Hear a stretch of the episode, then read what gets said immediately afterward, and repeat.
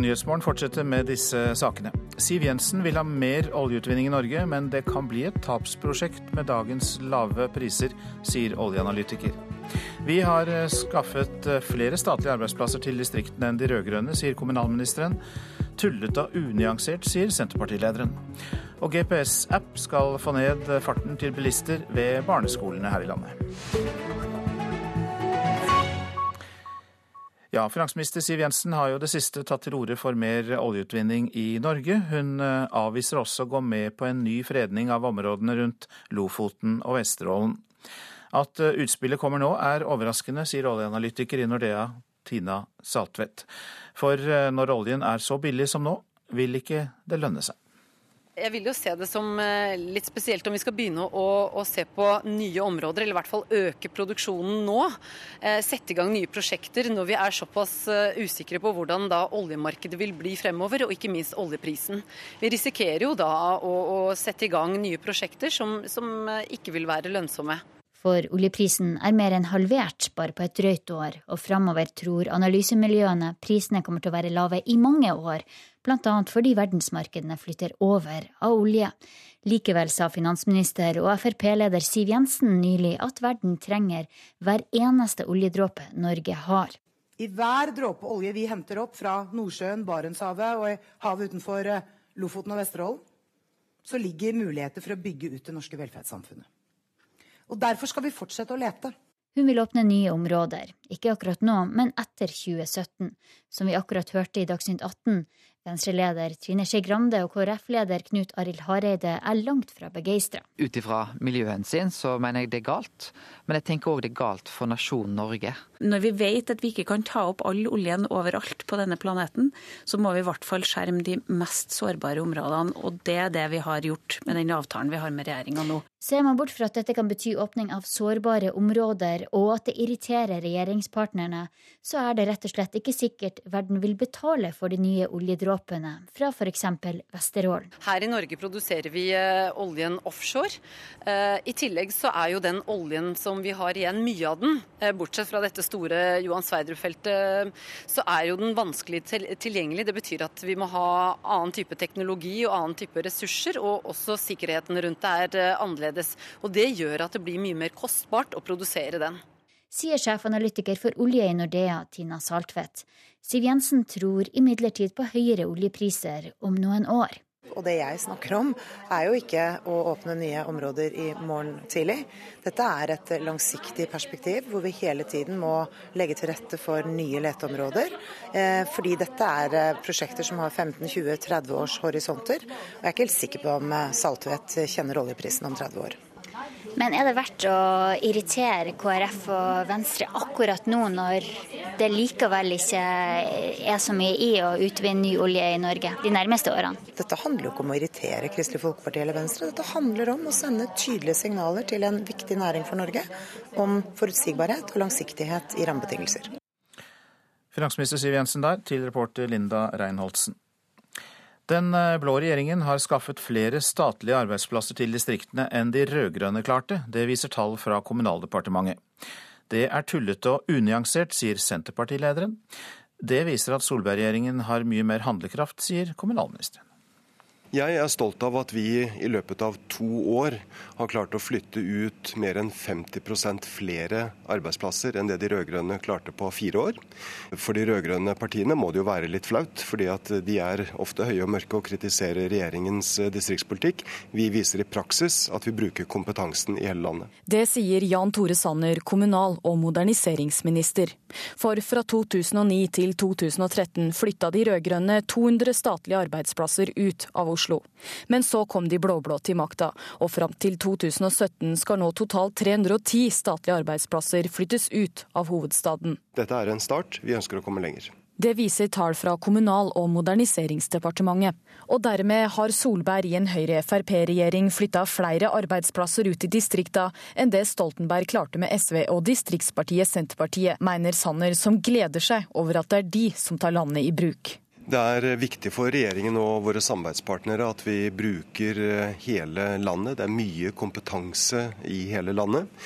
Og dette er et spørsmål om politisk vilje. Og flyttinga er allerede i gang. Bl.a. Forbrukerrådet til Tromsø, Nasjonalt klageorgan for helsetjenesten til Bergen, Nye Veier AS til Kristiansand og Skatteklagenemnda til Stavanger. Og dette er og forblir en du sa, jeg sa tar-diskusjon. For igjen vil Sanner bruse med fjæra i valgkampen og fortelle at de blå-blå har totalt oppretta flere arbeidsplasser fra 2013 til 2014 enn det de rød-grønne gjorde i 2012 til 2013. Her var 60% av arbeidsplassene ute i distrikta. Den lista til Sanner er bare helt utrolig. De er for enkle og for dumme. Det sier Senterpartiets leder Trygve Slagsvold Vedum.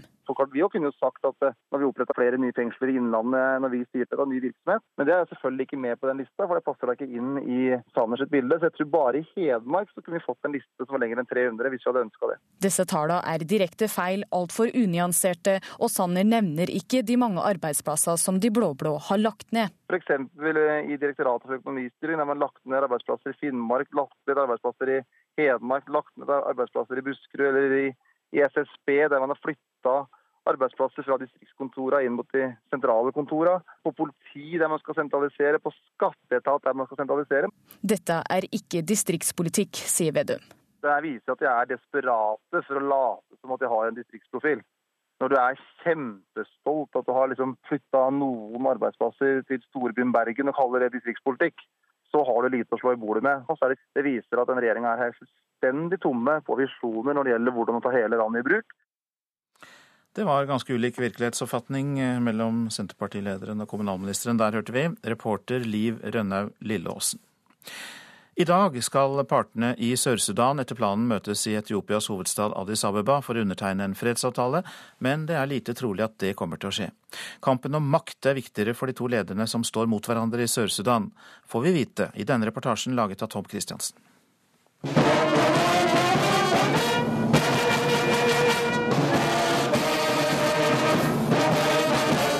The Big Men of Africa.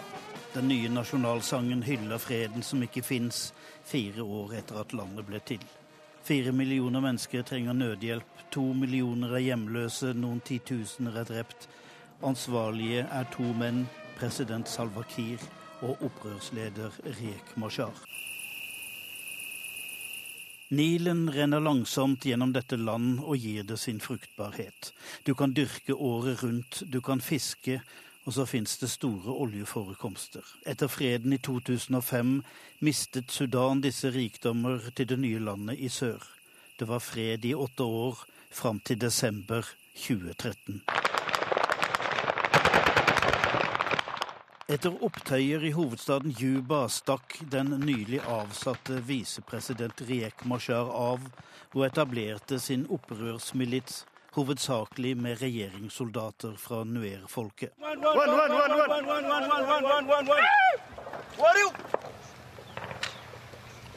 The power has been usurped by a president who, whose time, whose period has expired, you know. Den gjenværende hæren preges av Salva Kirs dinkaer.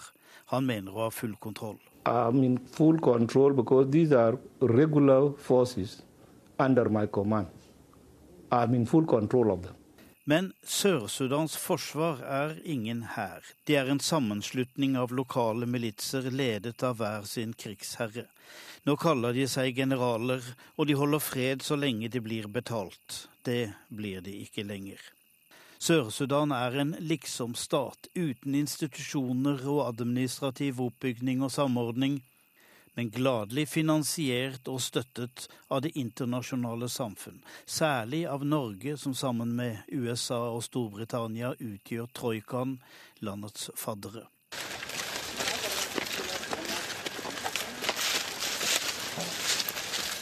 Soldatene tråkker seg fram gjennom bushen. Imens sitter deres ledere på luksushoteller i Addis Abeba og signerer fredsavtaler. Det er blitt sju til nå, og alle er blitt brutt umiddelbart. Salva Kiir har avvist alle hovedkrav i den siste avtalen, som egentlig skal signeres mandag. Det er flere enn militssoldatene som tråkker i bushen. Human Rights Watch har vært i delstaten Unity og kan fortelle om landsbyer som regjeringssoldater brenner ned, om gutter som blir drept, kvinner og deres døtre voldtatt og deretter tatt livet av, kveget som de lever av, blir stjålet. Kir og Mashar, de hater hverandre. Kir og partitoppene ligger i dyp konflikt etter at han fengslet mange av dem etter oppstanden i 2013. Salva Kiir har utvist et autoritært lederskap.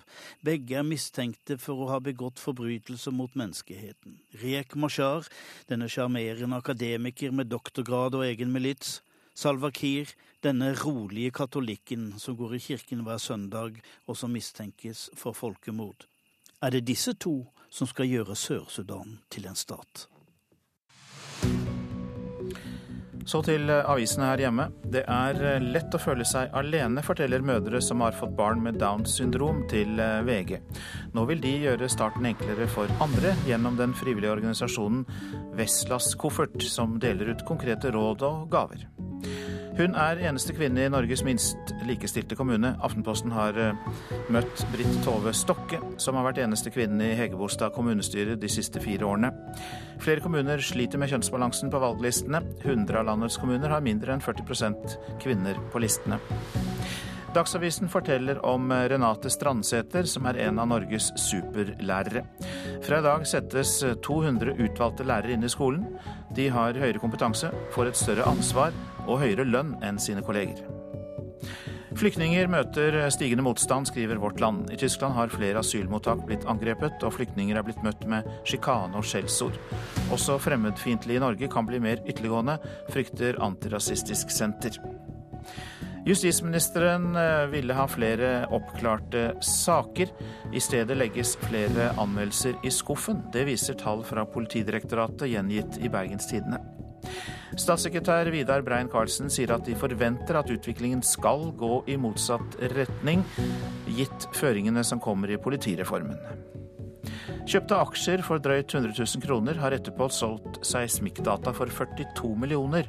Dagens Næringsliv forteller om norske investorer som kjøpte Global Geo Services for fem år siden. Et selskap som sitter på seismikkdata fra nesten hele Irans kyst.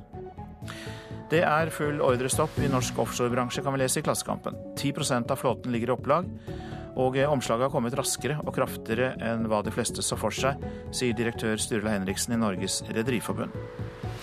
Snøen på fjellet er blitt liggende rekordlenge i sommer. Det har forhindret mange sauebønder i å bruke utmarksbeite, som påfører dem store utgifter til fôr og kan true neste års lammeproduksjon, får vi vite i Nasjonen i dag. Stinne av selvtillit etter ti strake seire, slik beskriver Adresseavisen Rosenborg etter 2-0-seieren over Vålerenga. Torsdag skal Trondheimslaget møte Stava Bucuresti i kvalifiseringen til Europaligaen. Og vi fortsetter på Lerkendal, nemlig, for der var det jubel i går, da Rosenborg altså sendte Vålerenga hjem med tomålstap. Pål André Helland eh, var nok en gang blant Rosenborgs beste, og han roser treneren sin opp i skyene. De får et rødt, så blir det enklere til oss. Da får vi større rom. og Derfra så tror jeg egentlig det aldri er noe tvil. Selv om førsteomgangen var jevn, var Rosenborg klart bedre i andre omgang og vant komfortabelt. Trener Kåre Ingebrigtsen var svært fornøyd. Jeg er strålende fornøyd. Det, er liksom, det har mye med når lag kommer hit. og Det er enkelt og for, enklere å forsvare seg. Og de, de er dyktige på det. og så, så vet vi at det, når vi byr inn til fest, så er det vi som må stå for uh, varene. Helland sier treneren gjør det enkelt for spillerne. Gjort noe så enkelt som uh, gått tilbake til røttene med og polert noen nyanser. liksom. Får det beste ut av uh, alle spillerne og har tydelige arbeidsoppgaver til alle enhver. Så da er det lett å stille krav til alle sammen, da, når alle vet hva en kan forvente av den andre. Reporter her, det var eh, Pål Thomassen. 6.47 er klokka blitt. Dette er hovedsaker i nyhetene. Siv Jensen vil ha mer oljeutvinning i Norge, men det kan bli et tapsprosjekt med dagens lave priser, sier analytiker. Det indonesiske innenriksflyet som forsvant i går med 54 mennesker om bord, skal være funnet, men letemannskaper har ennå ikke kommet fram til vraket. Sosiale medier er blitt uunnværlige for partiene i valgkampen, sier medieforsker. Mer om det snart.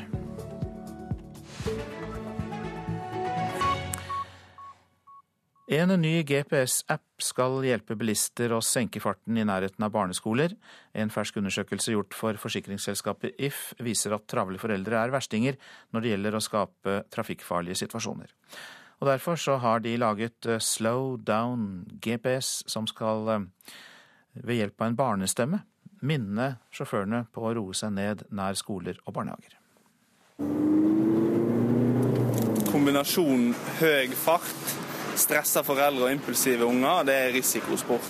Knut Olav Nestås i Trygg Trafikk gjentar det vi har hørt før. Foreldre er sine egne barns verste fiender i trafikken. En ny undersøkelse gjort av Sentio for If og Trygg Trafikk bekrefter at det fortsatt er slik. Sving svakt til høyre. En ny GPS-app lanseres nå for å hjelpe bilister med å senke farten. Appen fungerer sånn at når du nærmer deg en skole eller en barnehage, er det ikke lenger en voksen, men en barnestemme som snakker til deg. Sving til høyre på E16. Ja, altså jeg tenker at alt som er med på å gjøre skoleveien tryggere for, for barna, er positivt. Det sier André van der Heide, som er rektor ved Alvøen skole i Bergen, der mange av de 500 elevene kommer i bil. Skolen har stort fokus på trafikksikkerhet og har tro på å involvere foreldrene, sier FAU-leder Robert Aasmuld. Du får et helt annet bilde av det når du står på utsiden med barna rundt deg og det kommer en annen forelder kanskje litt for fort. At man tar det med seg videre og så eh, bruker det rett og slett neste gang man, man sjøl kjører mot skolen. Trygg Trafikk er ikke redd for at en ny app skal gjøre foreldrene enda mer stresset. Så lenge foreldre holder blikket på veien, så tror jeg ikke at lyden eh, stjeler mer oppmerksomhet. Jeg tror det kan fungere som en, en bevisst bevisst, en positiv bevisstgjøring for, for foreldre. Du har nådd målet ditt. Målet ditt befinner seg på venstre side. Og eh, vi legger til at én eh, av tre foreldre er bekymret for trafikken ved barnas eh, skoler. Vi skal eh, høre mer om dette etter klokka sju her i Nyhetsmorgen. Vi skal også snakke med Elisabeth Strengen Gundersen, leder i Foreldreutvalget for grunnopplæringen. Og reporter i det innslaget vi nettopp hørte, det var Mariann Reikerås. Så til eh, politikken igjen, og da knyttet til sosiale medier. For de er blitt uunnværlige for partiene i valgkampen, mener medieforsker Gunn Enli. Og til å være det minste partiet på Stortinget er det overraskende at Miljøpartiet De Grønne er så store på sosiale medier. De Grønne er nemlig det tredje største partiet på Facebook og dominerer på Instagram sitter jeg, og her sitter Christian. Eh, og Børge er jo her og sjekker sannsynligvis Facebook akkurat nå. Eh, Anders jobber med Twitter akkurat nå. Det er hektisk på kontoret til Stortingets minste parti, Miljøpartiet De Grønne. Om en halvtime skal de ut og åpne valgkampen. Partiet har 42 000 følgere på Facebook og over 19 000 på Twitter. Til sammenligning har Stortingets største parti, Arbeiderpartiet, nærmere 82 000 følgere på Facebook og nesten 35 000 på Twitter. Men så er jo de også rimelig store.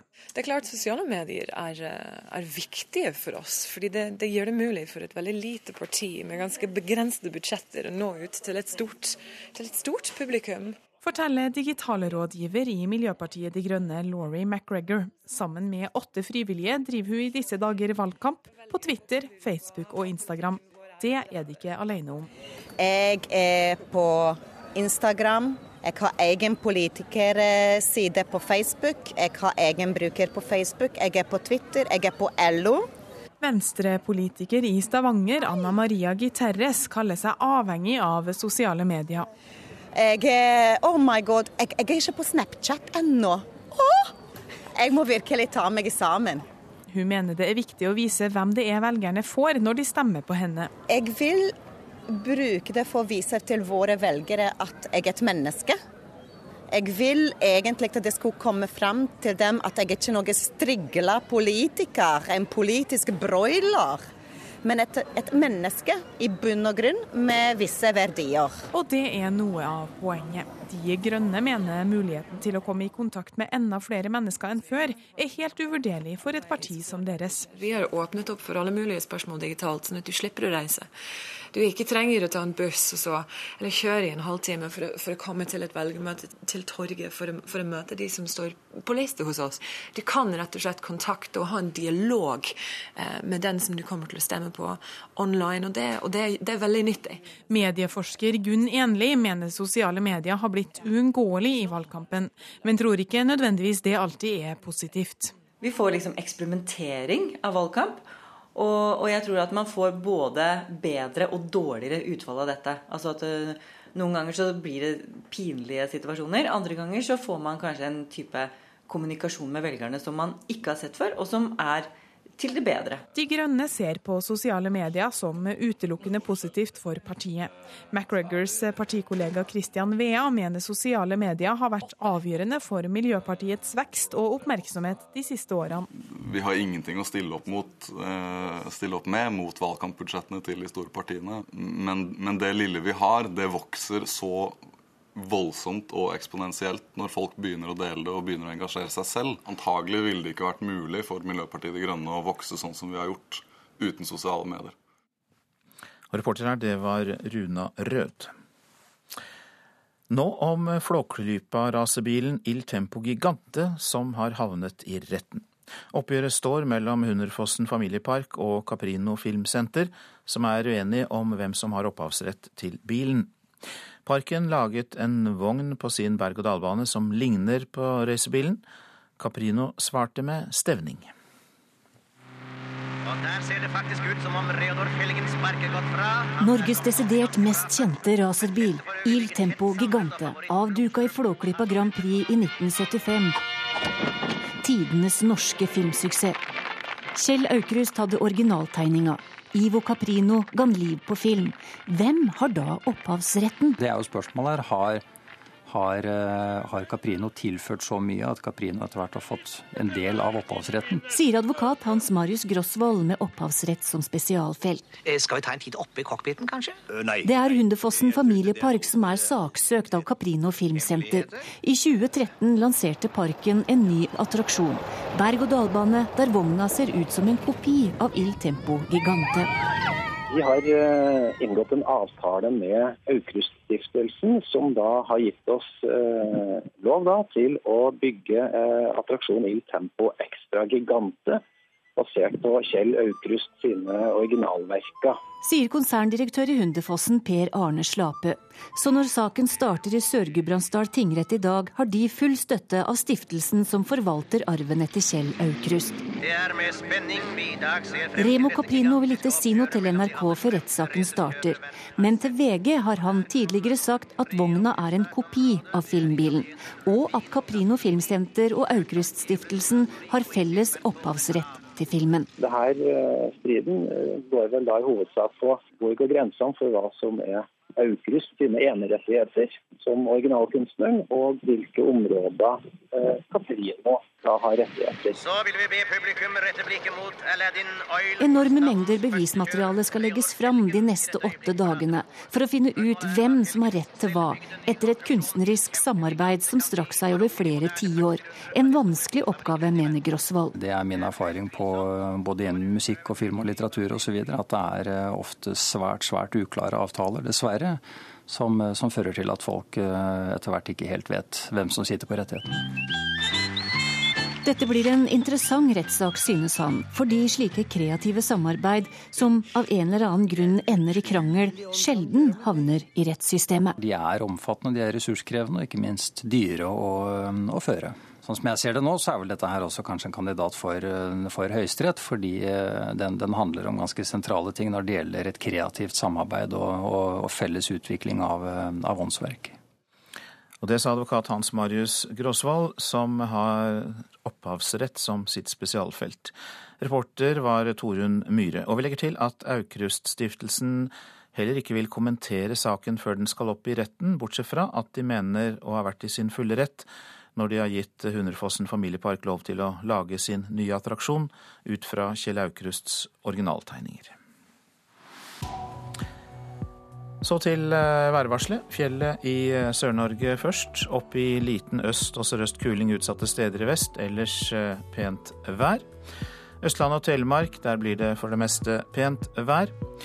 Agder nordøst og øst stiv kuling på kysten. I ettermiddag minkende til liten kuling øst for Oksøy. Oppholdsvær og noe sol. Så til Rogaland. Østlig liten kuling i utsatte fjordstrøk og på kysten lengst i sør. I ettermiddag økning til stiv kuling lengst i sør. Det blir litt regn i Rogaland. Fra i formiddag oppholdsvær riktignok, og utpå ettermiddagen blir det perioder med sol også der. Hordaland og Sogn og Fjordane skyet, utrygt for litt regn av og til i ytre strøk. Fra i formiddag oppholdsvær og perioder med sol. Møre og Romsdal skyet eller delvis skyet oppholdsvær. Utpå dagen stort sett pent vær, først i nord. Trøndelag, Nordland, Troms og Finnmark kan vi for en gangs skyld se samlet, for hele dette området blir for pent vær i dag.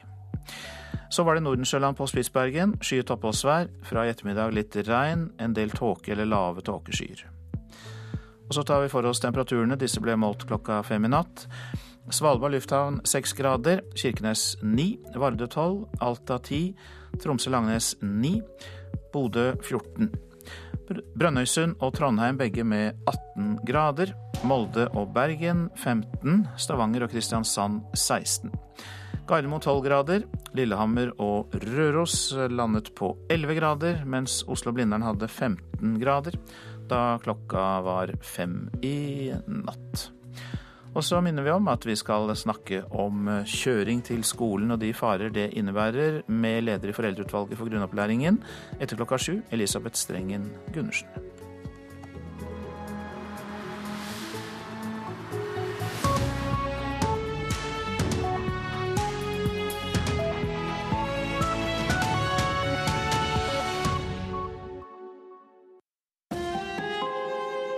Hør ekko. Men hva faen? Hva var det jeg nettopp sa?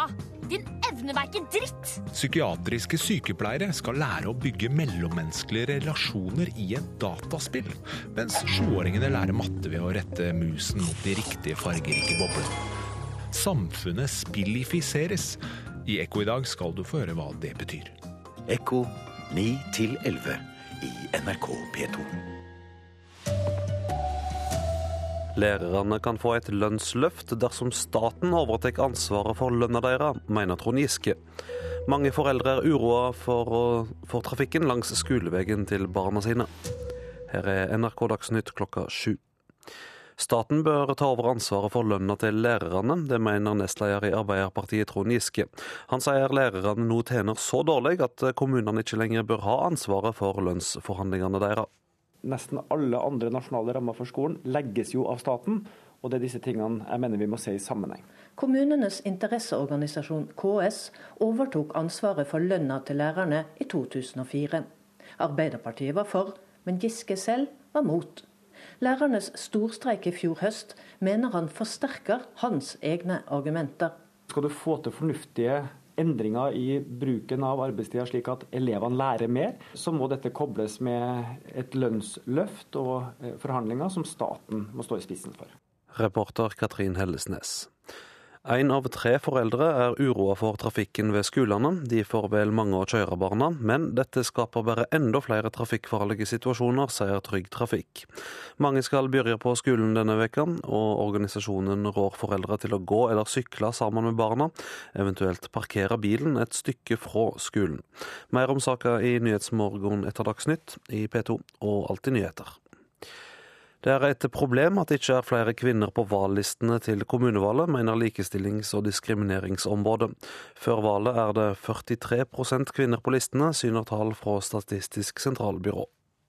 I landets minst likestilte kommune, Hægebostad i Vest-Agder, er tre av fire kandidater på valglistene menn. Tett etter følger 100 av landets kommuner, hvor mindre enn 40% av kandidatene er kvinner. Det viser tall fra Statistisk sentralbyrå presentert i Aftenposten. Likestillings- og diskrimineringsombud Sunniva Ørstavik mener den skjeve kjønnsfordelingen er et problem. Det svekker demokratiet når man ikke kan velge mellom hele befolkningen, sier hun. Og det kan være forskjell på hvilke saker som blir prioritert. Bare ti kommuner i Norge har i år flere kvinner enn menn å velge mellom. Reporter Martin Holvik. Politiet la bort eh, flere saker med navngjeven mistenkt i fjor, trass at justisminister Anders Anundsen flere ganger har bedt politiet redusere tallet. Tallet på saker som ble lagd bort, der politiet hadde fått et navn å gå på, var 1,2% i 2010, medan det hadde økt til 1,9% i fjor. Det syner tall fra Politidirektoratet, skriver Bergens Tidende. Statssekretær i Justisdepartementet Vidar Brein-Karlsen sier styresmaktene fremdeles forventer en nedgang. NRK Dagsnytt, Vidar Eidhammer.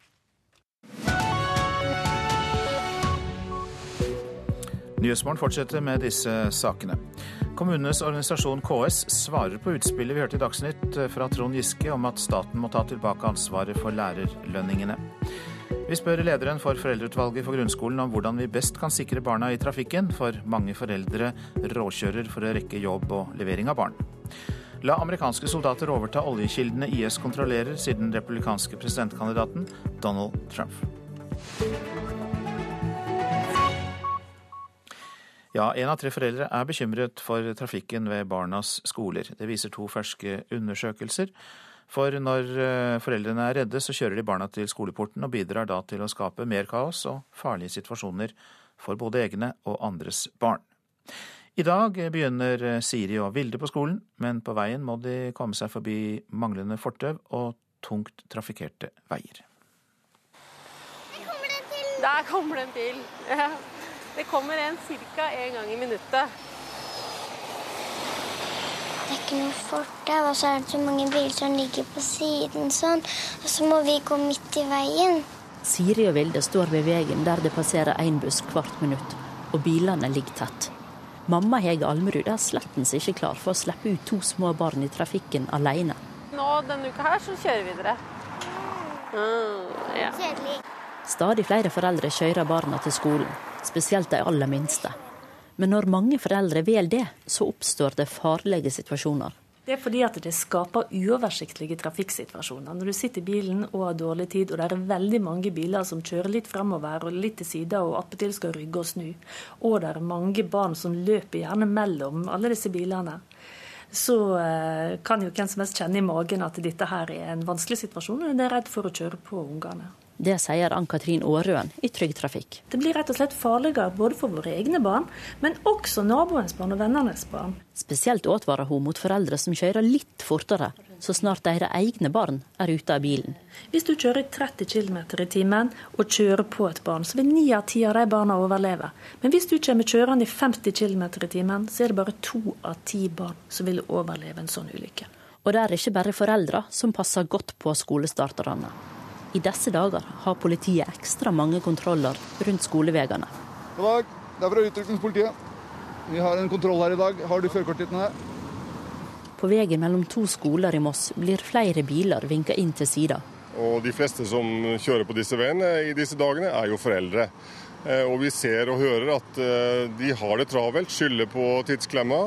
Eh, og da gjør man mye rart, dessverre. Så eh, noen kjører for fort, noen bruker ikke belte, noen sitter i mobiltelefon, og noen eh, kjører uaktsomt.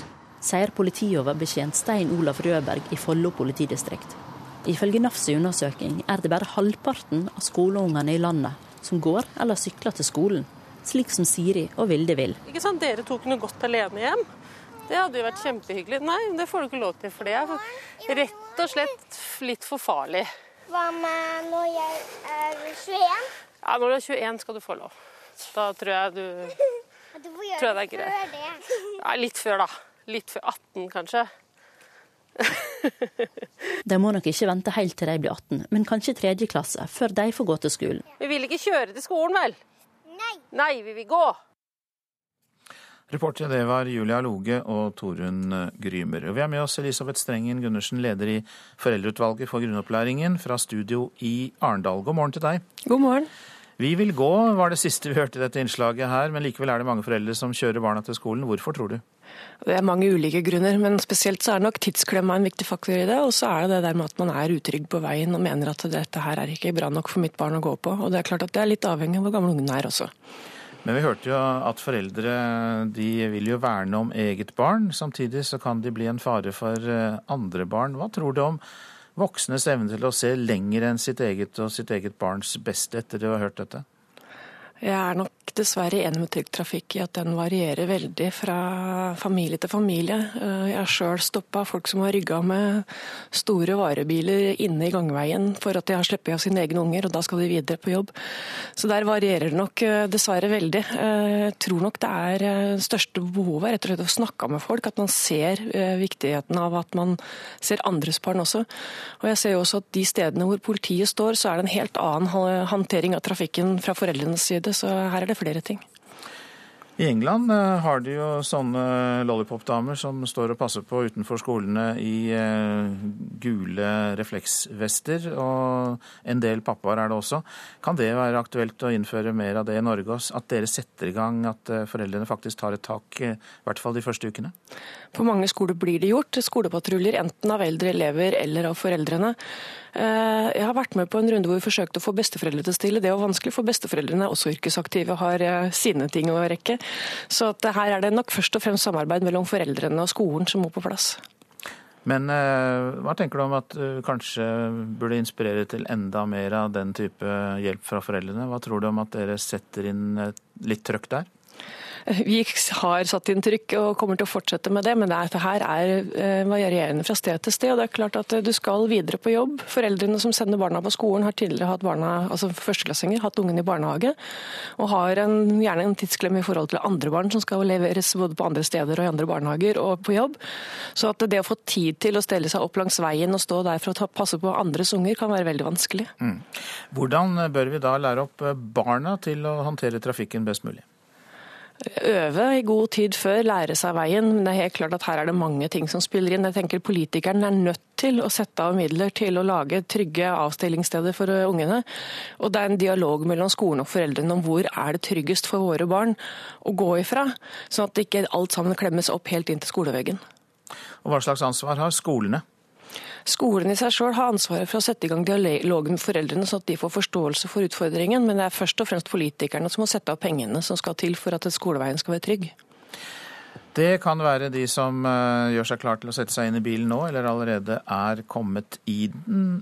Nå har du anledning til å komme med en oppfordring til de som sitter bak rattet. For all del, kjør pent, og ikke glem at disse førsteklassingene, og gjerne de som også er litt eldre, fort løper ut i veien uten å er forberedt til det. Og som det blir sagt, husk at det er fremdeles barn i veien når ditt barn har gått ut av bilen. Takk skal du ha. Elisabeth Strengen Gundersen, leder i Foreldreutvalget for eh, grunnopplæringen. Samtidig med at eh, skolene ringer inn etter sommerferien eh, nå, så kaster nestleder i Arbeiderpartiet Trond Giske en brannfakkel inn i skoledebatten. Han mener at lærerne er blitt lønnstapere, og at staten må overta ansvaret for lønnsforhandlingene fra kommunene. Giske vil foreslå dette på partiets neste landsmøte i 2017. Det er to grunner til at vi bør flytte forhandlingsansvaret til staten. Det ene er at eh, vi ser nå at lærerne faktisk har blitt eh, lønnstapere siden eh, forhandlingsansvaret ble flytta til kommunene. Og vi har ikke råd til et læreryrke som ikke er attraktivt nok for unge, dyktige mennesker. Han tror dessuten at staten vil klare bedre å se sammenhengen mellom lønn, arbeidstid, regelverk og rapportering. KS styrer i dag lønnsforhandlingene, men nesten alle andre nasjonale rammer for skolen legges jo av staten. Og det er disse tingene jeg mener vi må se i sammenheng. Kommunenes interesseorganisasjon KS overtok ansvaret for lønna til lærerne i 2004. Arbeiderpartiet var for, men Giske selv var mot. Lærernes storstreik i fjor høst mener han forsterker hans egne argumenter. Skal du få til fornuftige endringer i bruken av arbeidstida slik at elevene lærer mer, så må dette kobles med et lønnsløft og eh, forhandlinger som staten må stå i spissen for. For meg som eh, argumenterte beinhardt mot den overføringa som skjedde tidlig på 2000-tallet, eh, så er det lett å være svært positiv til denne ideen. Sier Anders Folkestad, som er leder i arbeidstakerorganisasjonen Unio. Og det tror jeg mange lærere vil være også, ikke minst i lys av at eh, kommunesektoren og eh, KS har forvalta ansvaret altfor dårlig. Men han tar også forbehold. Det er ingen automatikk i at lønna går opp i forhandlinger med staten. Staten som forhandlingsaktør har stelt svært dårlig med resten av utdanningsgruppene sine. F.eks. slik at universitetslektorer nå er til og med dårligere lønna enn lektorer i skoleverket. Unio vil dessuten ha en utredning om forholdet mellom forhandlingssystem og nasjonalt ansvar. For jeg er redd for en klemmesituasjon der eh, lærerne faller mellom to stoler, litt statlige og litt kommunale, og så eh, er det et pingpongspill om eh, ansvar framover. Katrin Hellesnes var reporter, og hva Høyres kunnskapsminister Torbjørn Røe Isaksen mener om dette, får du høre i Politisk kvarter om en drøy halvtime. Og nei, det er faktisk kortere tid, for det begynner klokka 7.40 nå i valgkampen og varer i 20 minutter. Men vi gir oss ikke helt med dette her i Nyhetsmorgen heller. Gunn Marit Helgesen, god morgen til deg. God morgen. Du er styreleder i kommunenes organisasjon eh, KS. Og eh, Giske sa jo det at alle nasjonale rammer legges av staten for skolene. Da virker det vel fornuftig og logisk å ta tilbake ansvaret for lønna? Nei, det er et særdeles dårlig forslag, fordi da må man ta tilbake eh, hele arbeidsgiveransvaret. Det er nå engang sånn at kommunene er arbeidsgivere for lærerne i grunnskolen og ungdomsskole og de videregående skolene, som er da fylkeskommunene. Og da må man jo også kunne forhandle om lønn. Hvis ikke så er det jo helt inkonsekvent. Da er det den eneste yrkesgruppen i Norge som har én eh, arbeidsgiver, og så har eh, staten eller en annen lønnsforhandlingene. Og det er særdeles dårlig idé. Ja, men uh, kunne det vært en tanke, da? Å ta arbeidsgiveransvaret tilbake også? Det har jeg aldri hatt, fordi staten har hatt lønnsforhandlingene, men ikke, men ikke arbeidsgiveransvaret. I så fall så må man være konsekvent. Det var det som var mitt poeng. Mm. Jeg syns det også er en dårlig idé. Og som faktisk Folkestad sa, så så må man jo da spørre seg har staten vært en god forhandlingsmotpart for den yrkesgruppen. Eh, og så vidt vi kjenner til, så, så, ligger altså de lavere i lønn enn man gjør i kommunal sektor. Så selv det argumentet faller jo bort eh, ut fra Giskes resonnement. Men vi hadde jo nærmest historisk steile fronter under lærerstreiken i fjor, og da var det jo dere som satt med arbeidsgiveransvaret og skulle forhandle lønn. Viser ikke det at dere ikke har lykkes helt? Nei, det gjør det ikke. fordi Staten har hatt forhandlingsansvaret tidligere. og Det var steile fronter den gangen eh, Hernes også ville se på arbeidstidsordningene. Eh, da hadde man også store demonstrasjoner og Hernes må fjernes osv. Så, videre. så Så det, det er en klassisk eh, det blir vel kanskje en klassisk konflikt mellom arbeidsgiver og arbeidstaker når man skal gjøre endringer i arbeidstiden. Det løser man ikke ved å flytte forhandlingsansvaret til staten. Giske sier altså at lærerne har sakket akterut lønnsmessig etter at dere overtok forhandlingene. Man kan jo snu litt på det og si at dere da sånn sett som arbeidsgivere har gjort jobben deres, nemlig lykkes med å holde lønningene nede og spart kommunene for penger? Det som er, det som er interessant, er jo at, eh, at eh, søkningen til læreryrket nå er faktisk veldig bra. Eh, vi har en undersøkelse som viser at 94,5% av lærerne trives i jobben sin. Så, så iallfall må, må man forholde seg til de faktiske forhold. Eh, jeg tror det vil alltid være en, en uh, motpart når man går i lønnsforhandlinger. Det har vi sett på i andre yrkesgrupper også. Så det å tro at man løser den konflikten ved å flytte forhandlingsansvaret til én part, mens arbeidsgiver er en annen, det er det altså ingen andre yrkesgrupper som har, og det kan vi heller ikke ha innenfor læreryrket. Men har de sakket akterut? Det, det, går litt opp og ned. Jeg tror De siste lønnsoppgjøret så var det jo lærer, lærerne som fikk mest. Nettopp for å For vi følger jo tett utviklingen i de ulike yrkesgruppene. Eh, så det blir jo justert i forhandlinger, og da må man ta det i de forhandlingene som til enhver tid finner sted. Takk skal du ha, Gunn Marit Helgesen. Du er styreleder i kommunenes eh, organisasjon. Du lytter altså til Nyhetsmorgen. Klokka den har passert 7.16. Dette er hovedsaker. Foreldre som råkjører for å rekke jobb og skole, skaper farlige situasjoner rundt barneskolene her i landet. Det har vi hørt. Trond Giske, Ap-nestlederen, mener lærerne er blitt lønnstaperne og vil at staten skal ta tilbake ansvaret for lærerlønningene fra kommunene. KS er, som vi nettopp hørte, svært uenig i det. Og det er også da slik at det indonesiske innenriksflyet som forsvant i går med 54 mennesker om bord, skal være funnet, men letemannskaper har ennå ikke kommet fram til vraket. Og flere mobbesaker klages inn til fylkesmennene, men fortsatt er det for få, sier Barneombudet. Mer om det snart. Flere hundre tusen mennesker samlet seg i byer over hele Brasil, Brasil, til demonstrasjoner mot president Dilma Rousef i går. De gir henne skylden for korrupsjon og økonomisk nedgang, og krever at hun går av eller må stilles for riksrett. Søndagens protester var den tredje demonstrasjonsbølgen hittil i år mot Rousef, og sinte brasilianere samlet seg bl.a. i bydelen Copacabana i Rio de Janeiro, langs Paulista-avenyen i Sao Paulo og foran Kongressen i hovedstaden Brasilia. Nå til USA. Presidentkandidat Donald Trump vil bekjempe den islamske staten ved å la amerikanske soldater overta oljekildene IS kontrollerer i Irak. I et intervju med fjernsynskanalen NBC i går sa Trump at, um, også at han ikke vil trekke seg fra atomavtalen med Iran dersom han skulle bli president. Med stabil oppslutning fra rundt en firedel av republikanske velgere er det få kommentatorer som fortsatt holder fast ved at mangemilliardæren og realitystjernen Donald Trump aldri kan bli USAs president. I et forsøk på å finne ut hva mannen står for bak overskriftene, spurte programleder Chuck Todd i NBCs søndagsprogram Meet the Press Trump om hvordan han tenker å slå IS i Irak og Syria. Ta fra dem velstanden, ta tilbake oljen deres. Vi skulle gjort det med det samme, svarte Trump og la til. that we make, which would be tremendous.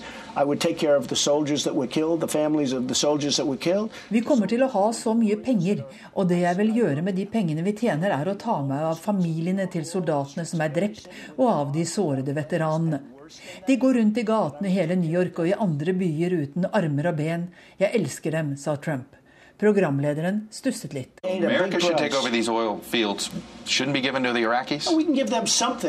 Så Amerika skal ta over denne oljen, bør den ikke gis til irakerne? spurte Todd, hvorpå Trump svarte at vi kan gi dem noe, men vi bør definitivt ta tilbake penger til våre skadde soldater, sa presidentkandidaten. Det fikk NBC-anker Todd til å spørre hvem han rådfører seg med i militære spørsmål. Vel, jeg ser på TV-show. Jeg ser mange flotte generaler og andre der. I alle fall to-tre, sa Donald Trump. Ta fra dem oljen er nok et svar som går hjem hos noen velgere.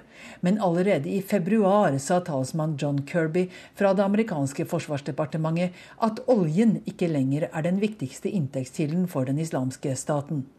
På spørsmål til Trump om han i likhet med flere av de andre 17 republikanske kandidatene vil love å rive i stykker Iran-avtalen om han blir president, svarte Trump mer nyansert at det ville være veldig vanskelig, for han er en avtaletype person. Men jeg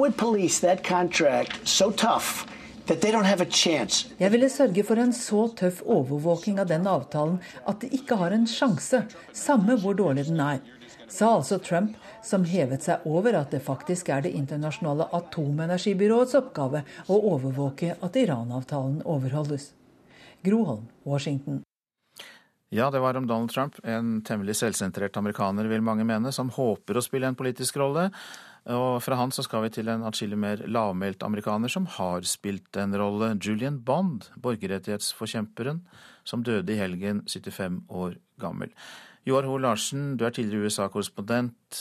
Det er vel ikke alle lytterne som nikker gjenkjennende til navnet Julian Bond, så du må oppdatere oss litt? Nei, du har nok rett i det. Og det kommer nok av det du sier, at eh, sånn som Donald Trump, de som roper høyest, de høres og huskes kanskje. Julian Bond, han var ikke så støyende. Men han sto på barrikadene på 60-tallet. Han eh, var aktivist, han ble arrestert og ledet sine studenttropper rapper, så å si. Slik at eh, han, han, spilte en betydelig rolle på 60-tallet. Han var født i Tennessee. Besteforeldrene hadde slavebakgrunn. Og han organiserte da sit-ins i Georgia, det vi i dag knapt nok kan tro. Men altså det er jo ikke lenger siden at eh, svarte ikke fikk lov til å gå på de samme restauranter eller sitte på de samme benker eller sitte i den samme delen av bussen som hvite på, på de kanter. Og, og Julian Bond ung mann den gang, var altså en som skilte seg ut, og var initiativtaker til å bryte ned disse raseskillebarrierene. Og disse lovene ble opphevet for 50 år siden, da USAs svarte fikk de samme stemmerettsreglene som de hvite sørstatene. Stilte han da til valg? Ja, det gjorde han. Uh, han var eksempel faktisk den, den, første svarte amerikaner som ble foreslått til å være visepresident uh, for et av de store partiene, for Demokratene i, i Chicago i 1968. Men han han var for ung, slik at han måtte trekke kandidaturet sitt. så Det kom aldri til noen votering, men han var såpass langt fremme. Han satt som representant lokalt i Georgia i en årrekke, men det var som borgerrettsforkjemper, altså i administrasjonen, i organisasjonene for de svarte. At han, at han, spilte en rolle.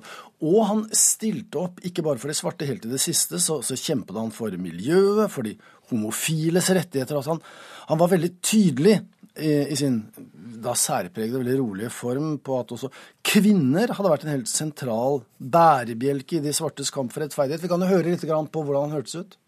Women played an enormous role in, if you look at the movement as a totality. Uh, had, it, had it not been for women, there would not have been a movement. I mean, if you look. If, ja. If you look at, nå har vi fått uh, vite mye mer om Julian Bond. Hva slags ettermæle vil han få? Som jeg har forsøkt å skildre, altså han var en, en gigant i de svartes frigjøringskamp på ikke minst på 60-tallet, men også hele veien fremover. Obama kalte ham en helt og en venn nå i helgen. og det er Mange som fremhever hans, hans sinnsro og hans balanse, hans tilstedeværelse. For der Martin Luther King var den store folketaleren og inspiratoren, og, og, Jesse Jackson, en annen kjent mann fra den tiden, han var en handlingens mann ved de, ved de store anledninger. Så var Julian Bond han beskrives som at han, han var alltid kul og i balanse, denne sinnsroen, en trygghet og en utstråling som, som få andre hadde. Han hadde ikke det samme ytre utålmodigheten som, som ofte kom til uttrykk. Og så var han prinsipiell, som, som jeg nevnte. Eh, det var ikke alle svarte som klarte å overføre sitt eh, engasjement for rettferdighet til andre undertrykte grupper. Der vek Julian Bond aldri en tomme. Mange takk skal du ha, Joar Hoel Larsen. Så til det avisen er opptatt av eh, her hjemme. Det er lett å føle seg alene, forteller mødre som har fått barn med Downs syndrom til VG. Nå vil de gjøre starten enklere for andre gjennom den frivillige organisasjonen Veslas Koffert, som deler ut konkrete råd og gaver.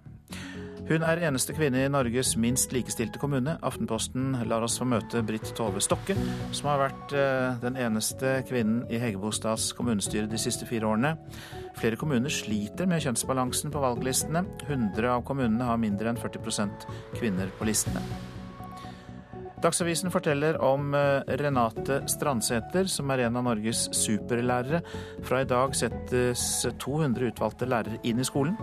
De har høyere kompetanse, får et større ansvar og høyere lønn enn sine kolleger.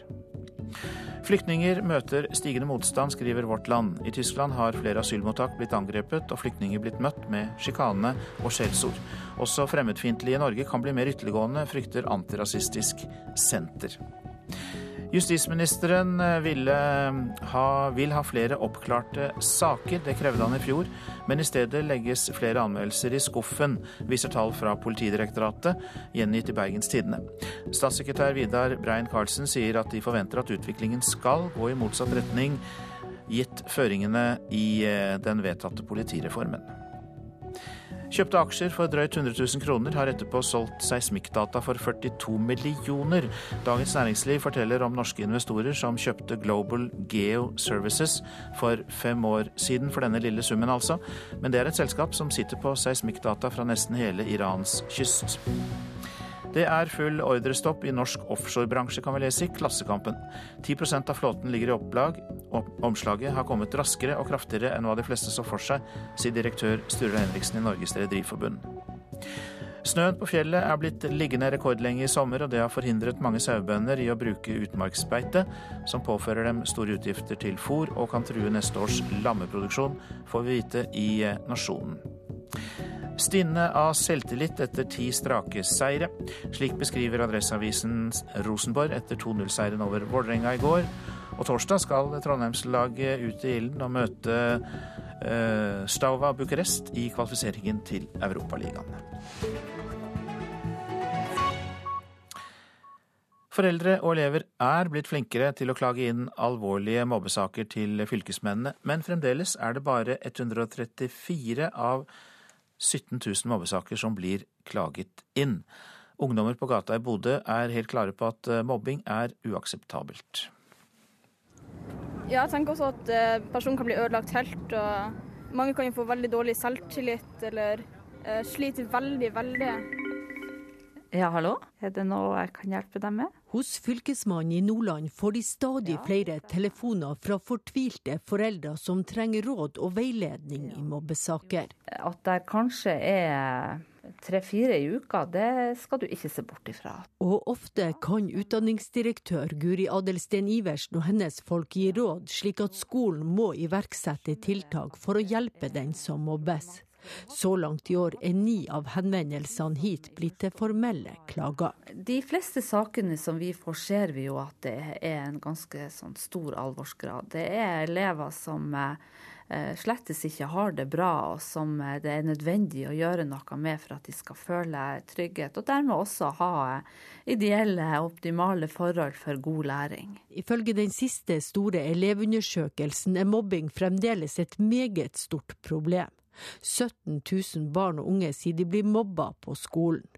Barneombud Anne Lindboe er glad fylkesmennene får flere klagesaker, men de burde fått mange flere. Jeg vil oppfordre eh, barn og foreldre til å klage raskt hvis de ikke får den hjelpen de har behov for på skolen. For det mobbing er et svært alvorlig problem som kan ødelegge barns liv og, og barndom og skolegang. Også ungdommene i Bodø håper alle som blir mobba, tør å si fra. veldig viktig at man går fram til læreren og sier det. Så det, Ja, også, også så hvis folk ser at en person blir mobba eller utestengt, så er det veldig viktig å si fra til en annen voksen f.eks. Og den reportasjen var laget av Barbro Andersen. Du lytter til Nyhetsmorgen, produsent i dag Ingvild Ryssdal, her i studio Øystein Heggen. Og fra og med i dag og fram til valget er Politisk kvarter på 20 minutter, og begynner rett etter Dagsnytt. I dag med en nestlederdebatt mellom Høyres Jan Tore Sanner, Ketil Solvik-Olsen fra Frp og Arbeiderpartiets Trond Giske.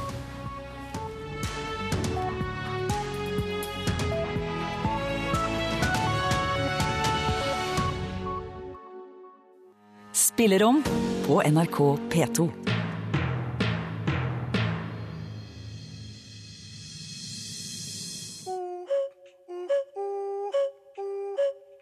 Jeg jobber ikke for en fredspris, jeg jobber for fred. Dette sier Herbie Hancock til spillerom, og det gjør han med utgangspunkt i buddhismen og jazzens etikk. Hør spillerom i dag klokka 11.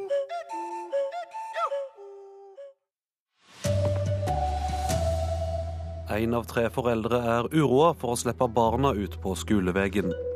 Lærerne har blitt lønnstapere, og staten må ta tilbake ansvaret for lønna deres, mener Trond Giske. Og som bærer navnet på denne kantante. Raserbilen. bilen, tempo gigante. Saga om raserbilen holder fram. Nå blir det rettssak mellom Caprino og Hundrefossen. Her er NRK Dagsnytt klokka 7.30. Én av tre foreldre er uroa for trafikken ved skolen til barna. Det syner to undersøkelser. I disse dager starter skolen for mange. Når foreldre er redde for tryggleiken, kjører de barna til skoleporten, og det bidrar til å skape mer kaos og farlige situasjoner for både egne og andre sine barn. God dag, det er fra Utrykningspolitiet. Vi har en kontroll her i dag. I disse dager har politiet ekstra mange kontroller rundt skoleveiene. Har du førerkortet ditt med deg? På veien mellom to skoler i Moss blir flere biler vinka inn til sida. Og de fleste som kjører på disse veiene i disse dagene, er jo foreldre. Eh, Og vi ser og hører at eh, de har det travelt, skylder på tidsklemma. eh, Og da gjør man mye rart. Sier politioverbetjent Stein Olaf Rødberg i Follo politidistrikt. Noen kjører for fort, noen bruker ikke belte, noen sitter i mobiltelefon, og noen kjører uaktsomt.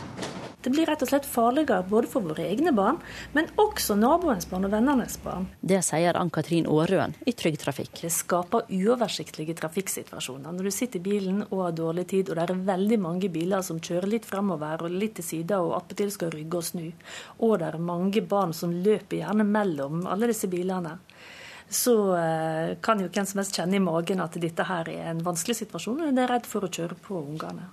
Spesielt advarer hun mot foreldre som kjører litt fortere så snart deres egne barn er ute av bilen.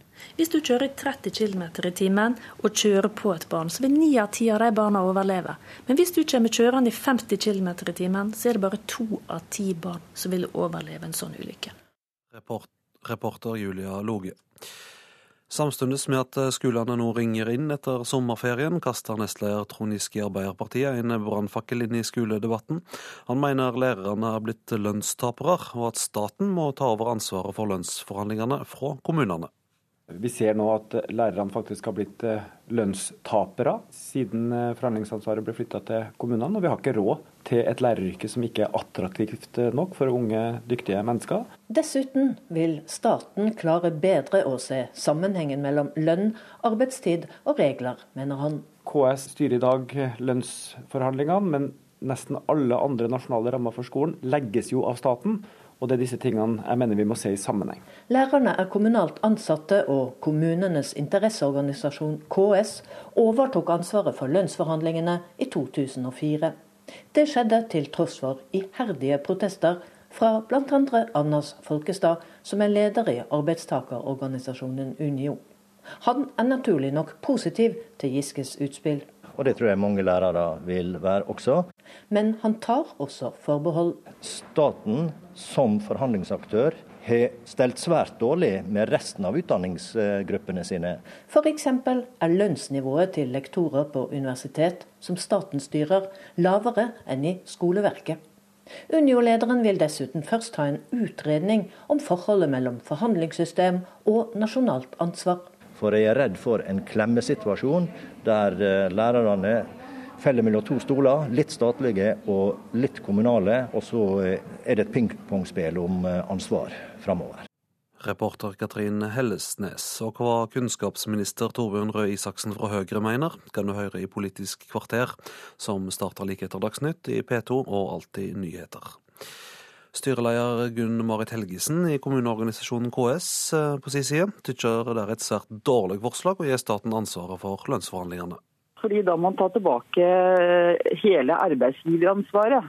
Det er nå engang sånn at kommunene er arbeidsgivere for lærerne i grunnskolen og ungdomsskole og de videregående skolene, som er da fylkeskommunene. Og Da må man jo også kunne forhandle om lønn.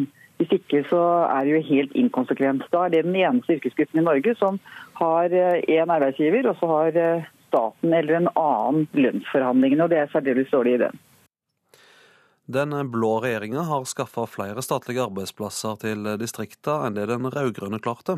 Det syner tall regjeringa har henta fra Kommunaldepartementet. Dette er tullete og unyansert, sier Senterpartileder Trygve Slagsvold Vedum. Nei, det syner handlekraft, svarer kommunalministeren. Jeg er stolt av at vi i løpet av to år har klart å flytte ut mer enn 50% flere arbeidsplasser enn det de rød-grønne klarte på fire år. For de rød-grønne partiene må det jo være litt flaut, fordi at de er ofte høye og mørke og kritiserer regjeringens distriktspolitikk. Vi viser i praksis at vi bruker kompetansen i hele landet. Det sier Jan Tore Sanner, kommunal- og moderniseringsminister.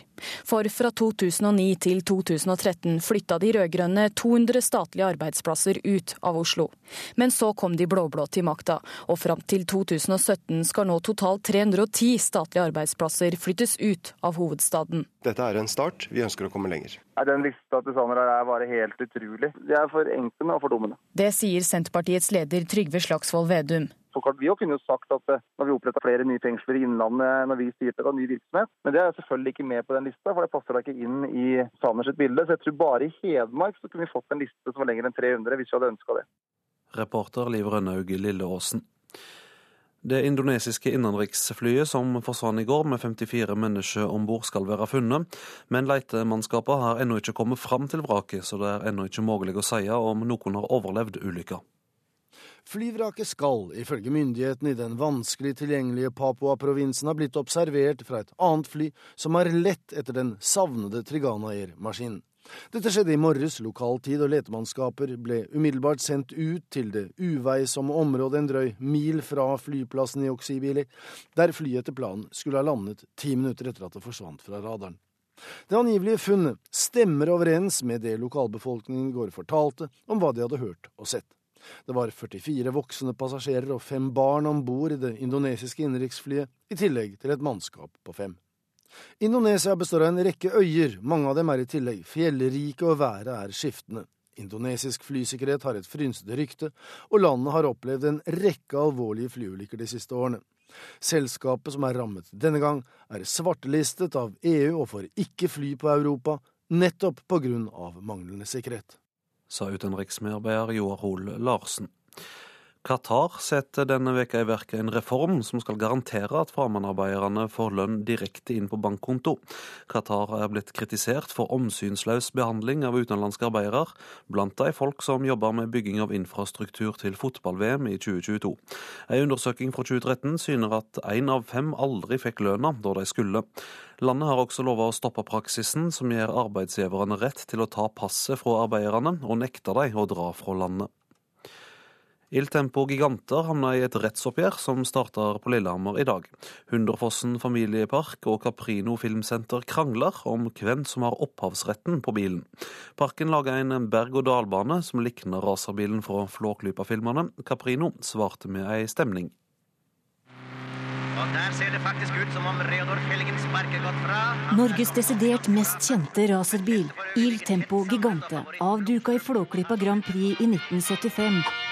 Tidenes norske filmsuksess. Kjell Aukrust hadde originaltegninga. Ivo Caprino ga liv på film. Hvem har da opphavsretten? Det er jo spørsmålet her. Har, eh, har Caprino tilført så mye at Caprino etter hvert har fått en del av opphavsretten? Sier advokat Hans Marius Grosvold med opphavsrett som spesialfelt. Eh, Skal vi ta en titt oppi cockpiten, kanskje? Nei. Det er Hundefossen familiepark som er saksøkt av Caprino Filmsenter. I 2013 lanserte parken en ny attraksjon. Berg-og-dal-bane der vogna ser ut som en kopi av Il Tempo Gigante. Vi har eh, inngått en avtale med Aukruststiftelsen, som da har gitt oss eh, lov da, til å bygge eh, attraksjon Il Tempo Extra Gigante, basert på Kjell Aukrust sine originalverker. Sier konserndirektør i Hundefossen Per Arne Slape. Så når saken starter i Sør-Gudbrandsdal tingrett i dag, har de full støtte av stiftelsen som forvalter arven etter Kjell Aukrust. Er Remo Caprino vil ikke si noe til NRK før rettssaken starter. Men til VG har han tidligere sagt at vogna er en kopi av filmbilen.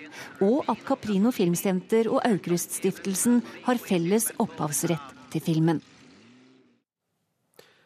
Reporter i innslaget var eh, Torunn eh, Myhre. Ansvarlig for denne Dagsnytt-sendinga var Anne Skårseth. Det tekniske ansvaret hadde Guri Finnsveen. Og her i studio Vidar Eidhammer.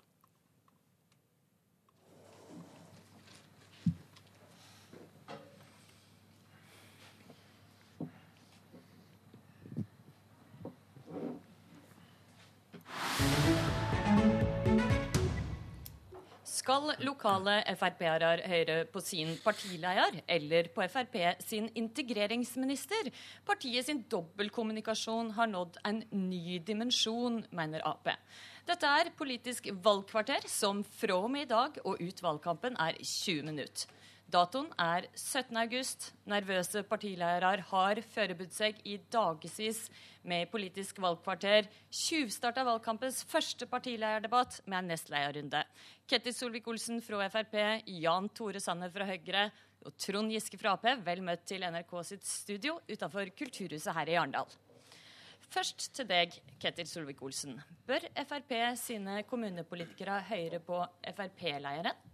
Som ber deg si nei til å ta imot flyktninger, eller integreringsminister Solveig Horne, også fra Frp, som ber kommunene ta imot flere. Det er ingen hemmelighet at Frp ønsker en mer restriktiv innvandringspolitikk, og spesielt når det gjelder asylsøkere. Vi har sagt vi ønsker å hjelpe flyktninger, vi ønsker å hjelpe veldig mye flere flyktninger i nærområdene. Så når Frp går til valg nå, så er det for å ha færre syriske flyktninger til Norge, men heller bruke pengene på å hjelpe langt flere i sine nærområder. Hvis, så dere hører på Siv Jensen og ikke Solveig Horne? Som eh, parti så er vi veldig tydelige på det standpunktet som Siv Jensen har. Så er Solveig Horne forplikta som statsråd i å følge opp de vedtak som Stortinget gjør. Men hadde Fremskrittspartiet fått bestemt i Stortinget, så hadde vi òg der sagt nei til de 8000 syriske flyktningene. Heller brukt eh, de pengene på å hjelpe langt flere i nærområdene rundt Syria. Hvis vi kunne sørget for at det var flyktningleirer med bedre økonomisk kapasitet, bedre menneskelig kapasitet, så kunne vi gjerne hindre at en del av de syrerne som nå er på flukt, vandrer videre fra nærområdene for å finne dårlige skip eh, som eh, går over Middelhavet. Det er hjerteskjærende å se den situasjonen som er. Nettopp derfor må vi sørge for at de blir best mulig ivaretatt i nærområdene, istedenfor at vi skal ta ut noen ytterst få for å ta de til Norge. Men De har altså sagt at de ønsker å følge opp den avtalen som er gjort i Stortinget. Det har det forplikta dere til i regjering. Men samtidig så sier det nå i valgkampen at det vil jobbe for at denne avtalen ikke blir noe av. Dette henger jo ikke helt sammen lokalpolitikere og kommunene er ikke forpliktet til å ta imot flyktninger. Men vår statsråd som er ansvarlig for det, har gjort en veldig god jobb nettopp med å bosette flyktninger. I 2011 så var det rundt 2000 Er det en bra ting? Ja, altså Det er bra at vi gjennomfører det som Stortinget vedtar. Det er en regjering forplikta til. Og I 2011 så var det ca. 2000 personer som satt i, i asylmottak og flyktningmottak i Norge, som eh, venta på bosetning. Når, to år senere, når de rød-grønne gikk av, så var det tallet økt til 5500. I dag så er det tallet nede på 5000, ca. 200.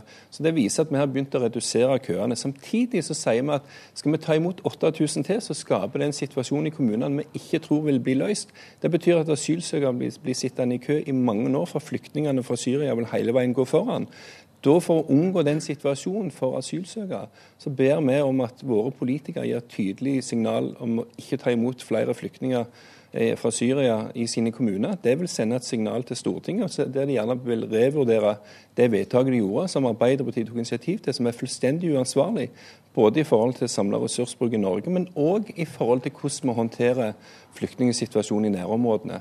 FNs eh, høykommissær for flyktninger sier altså at de trenger mer penger. De sier de får hjulpet langt flere, 13-26 ganger flere per krone i nærområdene enn å ta dem til Norge. Og Når vi vet hvor mange som er på flukt, så er det litt meningsløst at vi skal gjøre sånn veldig flotte med å ta noen få til Norge istedenfor å hjelpe langt flere der nede. Jeg forstår Frp sitt utgangspunkt her, men altså, det har altså sagt at de ønsker å følge opp ei avtale som det aktivt jobber imot. Dette her er jo litt komplisert for folk Nei, å forstå. Det, er ikke komplisert. Hvis du forstår hvordan demokratiet funker i Norge, så er det sånn at Stortinget gjør vedtak, regjeringen følger opp.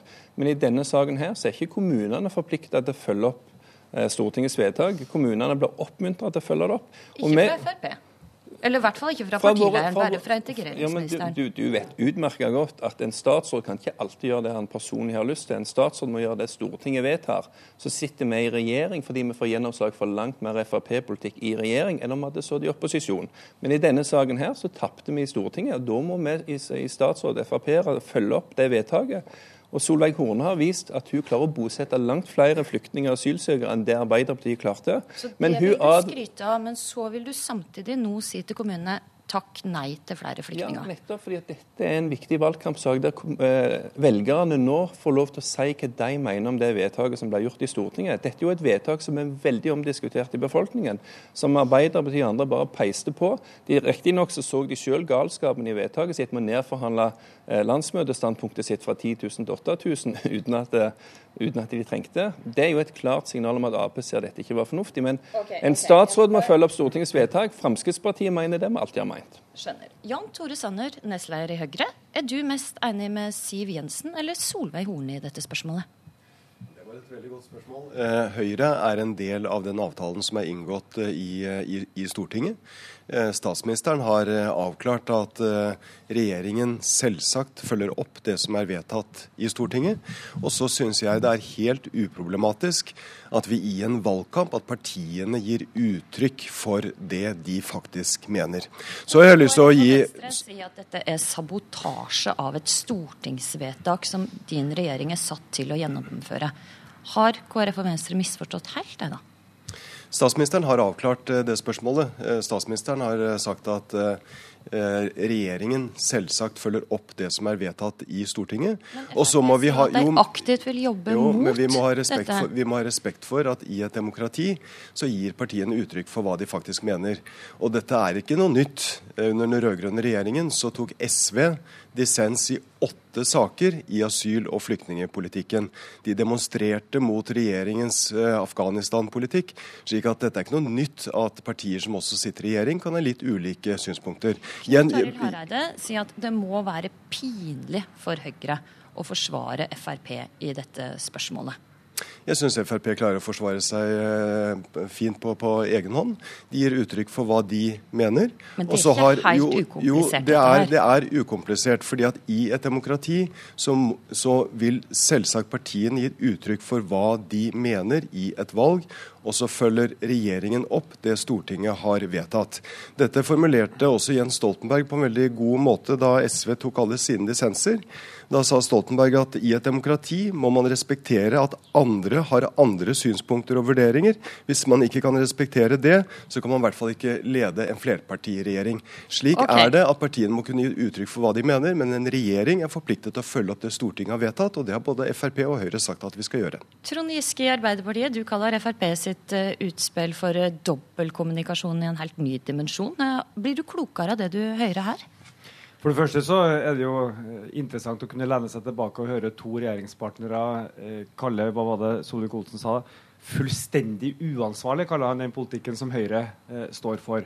Det tror jeg er Og rekord i ordbruk mellom regjeringspartnere, selv om det kunne gå en kule varmt også i eh, vår tid. Eh, bare, nå, nå, nå snakker jeg, Kjetil Solvik-Olsen. Ja, nå snakker jeg. Ja, men, ja. La Giske få snakke nå. Em, vi har jo vært vant til at Frp i Stortinget eh, og kanskje andre frispillere har gått ut mot regjeringas eh, politikk, eh, selv om de stemmer for. Vi så jo f.eks. hvordan Frp la opp til å protestere mot trygdeoppgjøret, selv om Frp forhandla fram en pensjonsavtale som gjorde at pensjonister i Norge fikk mindre penger å rutte med. Eh, det er nå ille nok, men når regjeringsmedlemmer begynner å gå løs på hverandre, så er det jo helt spesielt. Og det er jo ikke hvilken som helst regjeringsmedlem. Dette er Siv Jensen, som er regjeringas nest mektigste, eh, som ikke bare tar dissens, men hun oppfordrer kommunene om å sabotere den politikken som Stortinget og regjeringa skal gjennomføre. Og det største paradokset er jo at Frp var med på disse forhandlingene helt til vi var til 7500 flyktninger. Men da det tippa til 8000, så skal man altså gå ut og oppfordre kommunene om å la være å ta flyktningene imot. Vi, skal, vi, har, vi, altså, vi, har, vi har vedtatt å ta imot flyktningene. De kommer til Norge. Spørsmålet skal de tas imot på en god måte. Det oppfordrer altså et av regjeringsmedlemmene til at vi ikke skal gjøre. Solvik-Olsen. Her, her er det mye Ja, to- to av regjeringsmedlemmene. Ja, her er det mye omtrentligheter og feilaktigheter. For det første, Frp var imot pensjonsreformen når den ble behandlet. Det er ikke rart at Fremskrittspartiet fortsatt mener at det pensjonsoppgjøret som nå ble gjort basert på Arbeiderpartiet som pensjonsreform, er altfor dårlig. Når Trond Giske òg nå sier han er altfor dårlig, så sier du at han er imot det han, han var med og gjorde i regjering. Nei, Frp var imot pensjonsreformen. Du vet utmerket godt at Fremskrittspartiet var imot pensjonsreformen. Men stemte nettopp for. fordi at du fikk du må Dere er imot, men stemmer for. Nei, men, ja. Det er jo det er en trippelkommunikasjon Nei, her, men, men, egentlig. men du vet jo utmerket godt, men vi stemte imot den i Stortinget når den ble vedtatt, ikke sant? Ja, men det, det er Frp som har forhandla den fram. Det er din Jo, men statsråd. Du kan ikke både sitte med de svarte bilene, sitte med regjeringsmakt kan jeg få lov til å snakke ferdig, for nå hadde jeg ordet. Ja, for, for, altså, det som Trond Giske nå later som han ikke vet, etter selv å ha vært statsråd i mange år, det er at som parti så har vi standpunkt. Så kommer vi inn i regjering. Da forhandler vi fram kompromiss. Som betyr at vi av og til må stemme for ting vi er imot. Rett og slett fordi at vi vinner andre saker. Men det er noe annet å jobbe jo, mot regjeringens altså, politikk, som poenget- det sjøl skal gjennomføre. Poenget er at jeg som Frp jeg er fortsatt imot bompenger. Jeg sitter i en regjering som får redusert bompengeandelen fordi vi er i regjering, men vi vinner ikke alle saker. Sånn er det. Jeg må gjøre ting som statsråd, selv om jeg er imot det, rett og slett fordi at Stortinget har vedtatt det motsatte. Rett og slett fordi at vi i regjering har Høyre som òg vinner sine saker. Sånn er det, og det burde ikke overraske Trond Giske. Så vet okay, vi at, men så vet vi vi at på asyl hvis her. Hvis vi ser bort fra polemikken og ser hva som faktisk skjer, så ser vi at uh, veldig mange kommuner, hvor også Fremskrittspartiet styrer, tar imot flere flyktninger enn det man gjorde før. Solveig Horne og regjeringen har klart å få til at man bosetter nå flere flyktninger enn det man har gjort på over 20 år. Det viser i praksis at vi sørger for at flere av de flyktningene som kommer hit, blir bosatt i norske kommuner. Og jeg mener det er god grunn til å gi honnør til de mange ordførerne og politikerne fra alle partier som nå er med på denne dugnaden og sørger for at flere blir bosatt. Og så... Sanner skryter av Frp-kommunene som tar imot mange flyktninger. Vil du gjøre det samme, Ketil Solvik-Olsen? Ja, de er med å ta et ansvar på at de som allerede sitter i flyktningmottak i Norge, blir bosatt istedenfor å sitte der. De siste to årene som Trond Giske satt i regjering, så gikk vi altså fra 2000 som venta på å bli bosatt, til 5500. Det viste jo at Arbeiderpartiet i regjering ikke klarte å gjøre den jobben som de nå krever at Frp skal gjøre. Allikevel så er Arbeiderpartiet en drivkraft for å ta inn enda mer flyktninger som skulle sittet enda lenger i kø. Derfor skal vi være glade for at det er en Frp-er som sitter og er handlekraftig og sørger for at vi bosetter dette. Det vi advarer mot, og der våre kommunepolitikere, ikke minst velgerne i lokalvalget, har innflytelse på, det bør vi sørge for, eller bør vi ta imot 8000-10 000 000 flere, pluss familiegjenforening. Det vi ønsker å få en debatt på, er nettopp at kunne vi brukt de samme pengene på å hjelpe folk i nærområdene, så kunne du gjerne hindre at en del av de ble så desperate at de satte seg på båter som knapt flyter, for å prøve å krysse Middelhavet. FNs høykommissær for flyktninger har sagt at vi kan få 13-26 ganger mer hjelp for pengene. Nå altså 13-26 ganger flere personer i nærområdene. Da er det meningsløst av Trond Giske og andre å si at vi må ta de til Norge for å hjelpe. Ja, Det kommer jo ikke til å bli bestemt i kommunene. Det er Stortinget som Ketil Solvik-Olsen sier helt riktig, bestemmer dette. Spørsmålet nå, nei, spørsmålet nå er skal vi ta imot dem på en skikkelig måte. Men for å være helt ærlig, vi vet jo hva dette handler om. Det handler om at når det blir valgkamp, så må Frp få opp en eller annen flyktning- og innvandringssak istedenfor å snakke om 118 000 arbeidsløse, som Siv Jensen absolutt burde snakke om, rekordhøye bompenger eller rekordhøy bensinpris eller statlig eldreomsorg eller pensjoner som blir kutta. Dette vil ikke Frp snakke om. De vil heller snakke om 500 okay. ekstra Jeg snakker mer enn gjerne om at vi vil ha en annen pensjonsreform med bedre pensjoner, lavere bompenger, lavere bensinpris. Lavere bompenger får vi i hvert fall ikke med Frp. Det, det, tror jeg velgerne har oppdaga. Du vet utmerka godt at bompengene er redusert med 2 milliarder kroner sammenlignet med rød-grønn regjeringspolitikk. Vi skal med skifte tema her i Politisk kvarter og takke av Ketil Solvik-Olsen og Jan Tore Sanner. For det er ikke bare partilærerne som er spente og nervøse i dag. Det er også tusenvis av skolebarn som har sin første skoledag. Og kanskje til og med Trond Giske kjenner på litt eh, nervøsitet eh, når han senere i dag lanserer si nye bok 'La læreren være lærer'. Der foreslår du at kommunene ikke lenger skal forhandle lønn for lærerne. Det mener du staten skal gjøre. Hvorfor mener du det? Det var jo slik det var fram til 2003, da det ble vedtatt å flytte forhandlingsansvaret til KS. Eh, det stemte også Arbeiderpartiet for. Jeg personlig var uenig i den beslutninga. Eh, jeg mener at det ga en mindre mulighet til å sørge for at lærerne har eh, gode lønns- og arbeidsvilkår, til å se helheten i skolepolitikken, arbeidstid, lønn, nye reformer i sammenheng. Du vil gi lærerne bedre lønn. Det kan staten gjøre, og ikke kommunene. Altså KS prøvde jo i fjor å få til endringer i arbeidstidsavtalene, eh, og det endte i en av de lengste lærerkonfliktene vi har hatt, og en tynnslitt tillit mellom eh, skolemyndigheter, skoleeiere eh, og lærerne. Vi har ikke råd til den type dype tillitskriser mellom lærere og, og skoleeierne. Og vi trenger å gjøre læreryrket attraktivt for unge mennesker. Vi trenger de beste unge menneskene inn i læreryrket. Da må vi ha økt lønn. Men vi må også ha reformer på arbeidstid og arbeidsform. Og det tror jeg staten er i best stand til å få til, denne samla eh, løsninga. Fordi at vi rår eh, fra nasjonalt hold over disse andre rammene, som må ses i sammenheng med økt lønn. Torbjørn Røe Isaksen, kunnskapsminister fra Høyre, velkommen til vårt studio her i Arendal. Hva syns du om eh, ideen fra Trond Giske? Jeg er enig med Arbeiderpartiet i denne saken her. Eh, vil Si at jeg mener at forhandlingsansvaret burde ligge i kommunene, sånn som Arbeiderpartiet også har ment i ti år. Og så er er det nok, som, som, Giske sier, at det kan være noen fordeler med at staten har et forhandlingsansvar, men jeg mener ulempene er enda større. Jeg må bare peke på tre ting. For det første vil det være veldig sentraliserende. For hvis staten nå skal ta tilbake forhandlingsansvaret fra kommunene, så vil sannsynligvis veldig mye av skolepolitikken også følge med. Og da kan vi raskt endre, ende i det Giske sa i en debatt i går at han var for, nemlig at staten må ta over skolene. Det tror jeg ikke er en god idé, at Skole-Norge skal styres fra et kontor i Oslo. Det andre er at det er jo tross alt kommunenes innbyggere som skal betale for disse utgiftene. Og jeg syns det er noe udemokratisk med at uh, jeg eller en annen statsråd skal sitte og forhandle med lærerne, mens det er kommunens innbyggere som skal ta regninga, og de ikke skal være representert ved bordet.